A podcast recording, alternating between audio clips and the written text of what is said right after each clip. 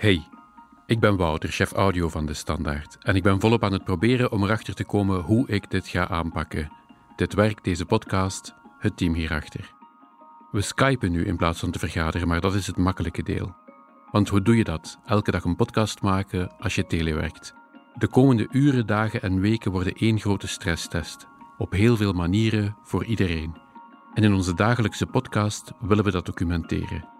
Omdat we geloven dat het helpt om verhalen te delen. En dus willen we je vragen om precies dat te doen: je verhalen delen. Welke impact heeft corona op jouw leven, jouw bedrijf, jouw job, jouw familie, jouw gezin en jouw relatie? Laat het ons weten. En bezorg ons je verhaal in tekst of in een voicemail via dsaudio.standaard.be. Bedankt al en tot gauw.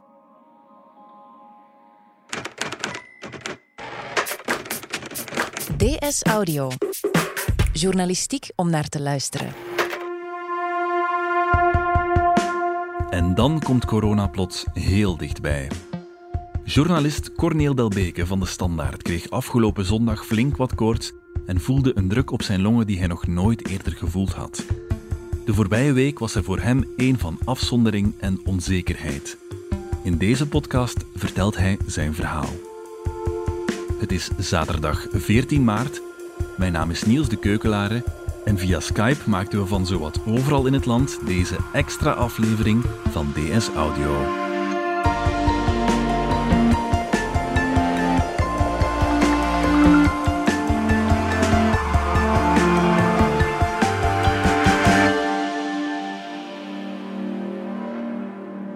Dag Corneel, Dag Niels. hoe gaat het met jou? Eh, goed.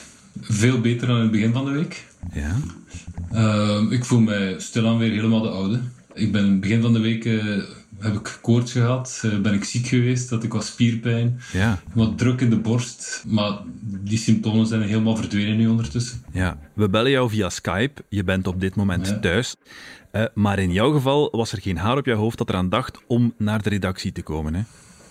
Nee, inderdaad. Ik, eh, ik ben vorige zondag ziek geworden.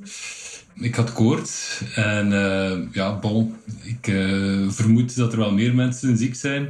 Maar ik heb de maandag een mailtje gekregen van iemand die ik vorige week ontmoet heb. Ja. En die bleek positief getest te hebben op het COVID-19-virus. Ja. Dus ja, 1 plus 1 maakt 2. En dan dacht ik, eh, misschien moet ik toch zeker thuis blijven eh, in dat geval.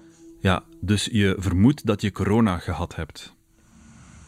Dat vermoed ik zeker. Ik denk dat de kans dat ik besmet ben geraakt eh, vrij groot is. We hebben handjes geschud, we hebben dicht staan praten terwijl er hapjes werden uitgedeeld. Dus ik vermoed dat er wel een mogelijke besmetting was. Plus al de symptomen die ik gekregen heb: spierpijn, koorts, eh, druk op de longen. Ja, dat Ja. het lijkt toch allemaal te wijzen op het feit dat ik eh, het coronavirus te pakken had. Ja, die afspraak, was dat in België?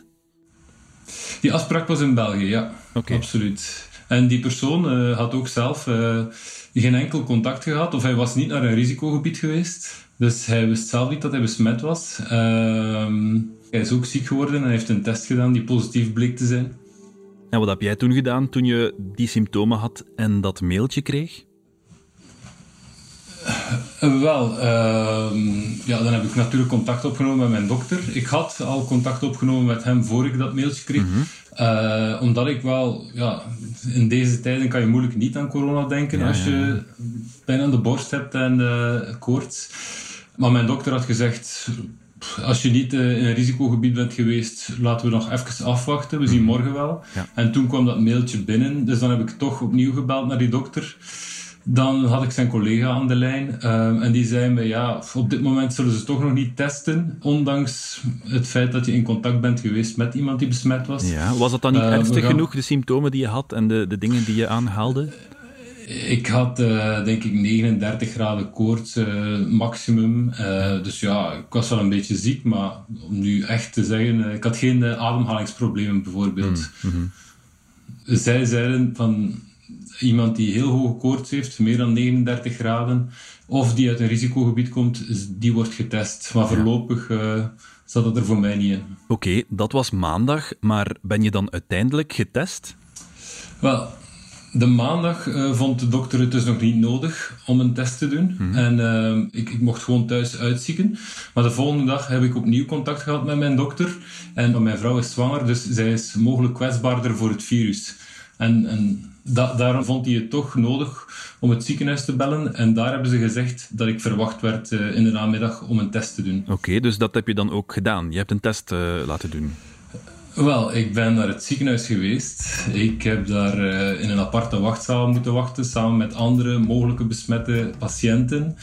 Maar uh, het blijkt dat de procedures en het protocol nogal uh, uur per uur kunnen wisselen. Mm -hmm. En op een bepaald moment kwam er een dokter binnen en die zei: Ja, we kunnen de toevlucht niet meer aan. We zullen moeten schiften en zien wie dat we gaan testen.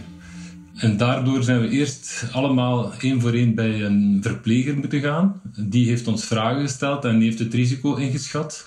Door bijvoorbeeld de hoogte van onze temperatuur, eh, door eh, te beantwoorden of we in een risicogebied zijn geweest, ja, hebben we contact ja. gehad met iemand die corona had. En toen ik uiteindelijk na 3,5 uur wachten uh, bij een dokter zat, informeerde die mij dat de procedures opnieuw veranderd waren en dat ze alleen maar testen doen op uh, mensen die gehospitaliseerd worden, die dus opgenomen worden in het ziekenhuis, mm -hmm. uh, omwille van bijvoorbeeld uh, ademhalingsproblemen, en ja. die had ik niet. Nee, dus op dat moment was je nog in het ongewisse? Ik, ik ben ergens nog steeds in het ongewisse, want ze hebben mij nooit getest uiteindelijk.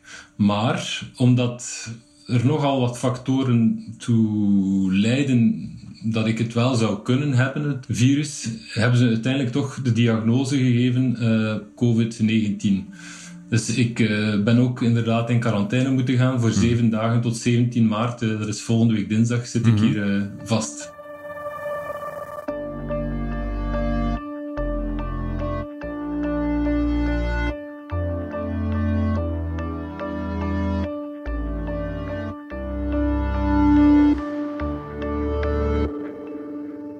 Je bent nooit getest, maar je hebt wel de diagnose gekregen. Uh, wat deed dat met jou? Wel, ik moet zeggen, de symptomen waren al aan het afnemen, dus ik uh, maakte mij ook niet veel zorgen. Ik ben 36, ik mm -hmm. heb mhm. geen medische aandoeningen. Maar natuurlijk voor mijn omgeving, zoals ik zei, mijn vrouw is zwanger, dus zij is mogelijk kwetsbaarder voor het virus.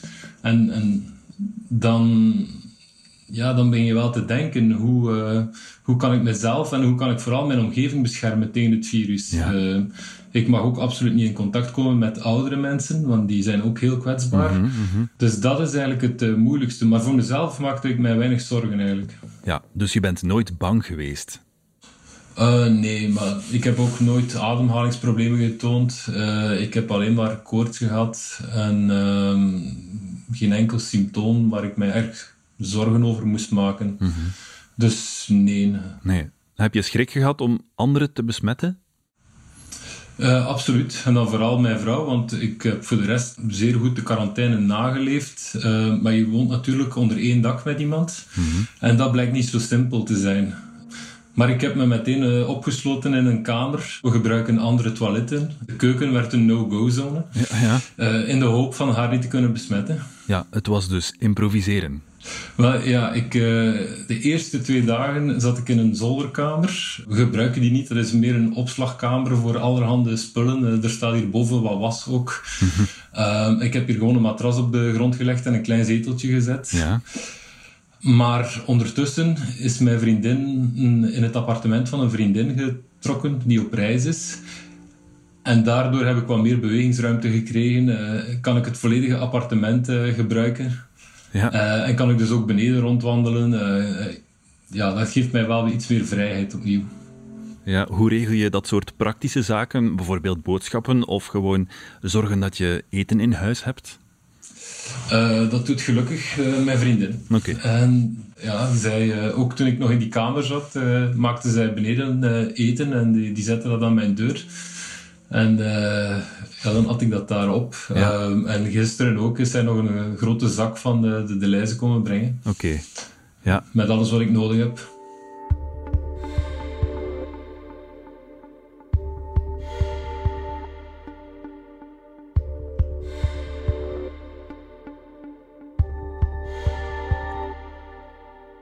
Als je de coronaberichtgeving volgt, Corneel, met de dagelijkse updates van het aantal zieken, ja, dan denk je het is zwart-wit, je bent ziek of je bent het niet.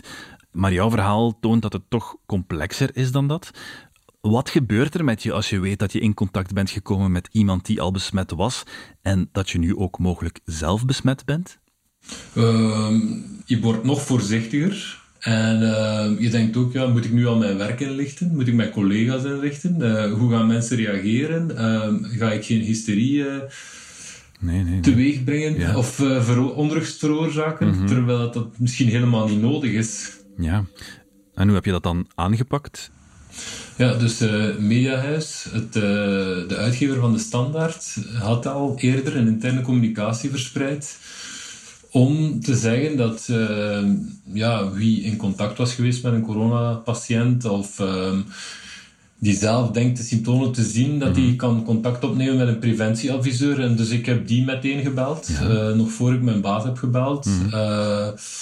en die was heel begripvol en daarmee kon ik dan overleggen van wat zijn de volgende stappen, want uiteindelijk was er nog niets bevestigd. Ehm, maar hij zei dat het dan best is om contact op te nemen met uh, mijn hoofdredacteur en mijn directe chef. Uh, ja. Wat ik ook gedaan heb. Ik heb ze allebei gebeld. Mm -hmm. En zij vroegen dan, ja, mogen we nu al de redactie inlichten? Want ja, het uh, nieuws verspreidt snel. Zo'n mm -hmm. gerucht mm -hmm. gaat snel de ronde.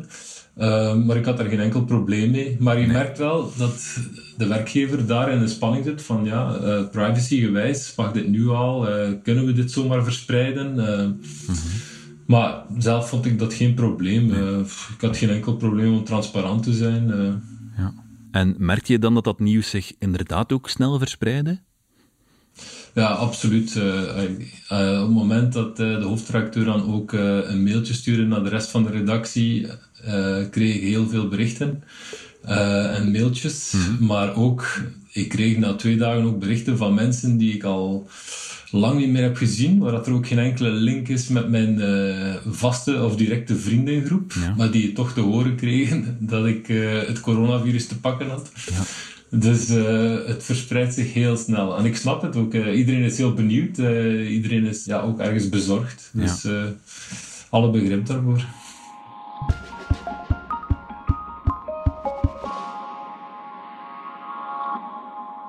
Je bent dan niet getest, maar uiteindelijk wel positief bevonden. zit je dan in die cijfers die de overheid communiceert? Ja, ik uh, vermoed van niet, mm -hmm. maar uh, dat ben ik niet zeker. Uh, ik heb dat aan de arts in het ziekenhuis gevraagd. Dus zij kon daar niet op antwoorden. Maar ik vermoed dat er alleen maar de geteste personen die effectief een test zijn ondergaan, dat zij in de cijfers worden opgenomen. Ja. Maar ik heb daar geen bevestiging van. Ja, en iemand als jij, hoe wordt die eigenlijk opgevolgd? Iemand die niet getest is, maar wel de diagnose heeft gekregen. Um, heb je op een bepaald moment bijvoorbeeld advies of instructies gekregen van de overheid? Nee. Mijn dokter heeft mij wel nog teruggebeld. Uh, hij volgt het wel op, mijn huisarts dus. Uh, en hij geeft mij advies, maar het is natuurlijk een nieuw virus, dus uh, niemand weet juist uh, mm-hmm.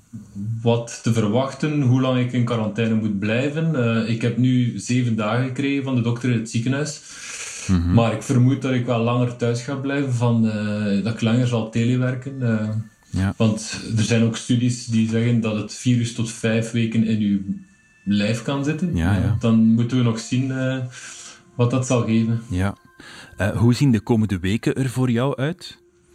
Wel, voor mijn, voor mijn werk zal dat waarschijnlijk weinig problemen zijn. Uh, ik denk, uh, wij doen wel een job waarin telewerk mogelijk is. Mm -hmm. de grootste onbekende is inderdaad met mijn vrouw. Die woont nu in een ander appartement, maar dat moet toch ook geen weken duren, denk nee, ik. Ja, ja. Anderzijds, uh, de dokter zei mezelf, ja, als je je vrouw nog 14 dagen kan missen, is dat misschien geen slechte voorzorgsmaatregel. Mm -hmm. Ja. En kun je haar nog 14 dagen missen? uh,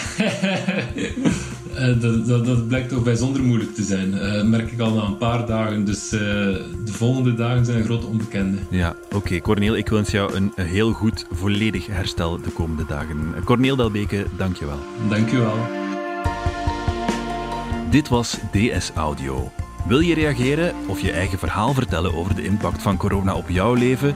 Dat kan via dsaudio.standaard.be. In deze aflevering hoorde je Corneel Delbeke en mezelf Niels de Keukelare. De redactie gebeurde door Sophie Albrecht, Fien Dillen, Brecht Plasgaard en Annelies van der Roost. De eindredactie door Wouter van Driessen. Pieter Schrevens en Brecht Plasgaard deden de audioproductie. Brecht schreef ook de muziek die je hoorde in deze podcast. Chef audio is Wouter van Driessen. Vond je deze podcast interessant? Weet dan dat je er elke werkdag één kunt beluisteren. Dat kan via de DS Nieuws app of via standaard.be-audio. Je kunt je ook abonneren via iTunes, Spotify of de podcast-app van je keuze. En als je daar dan toch bent, schrijf gerust een review. Zo toon je ook anderen de weg. Maandag zijn we er opnieuw.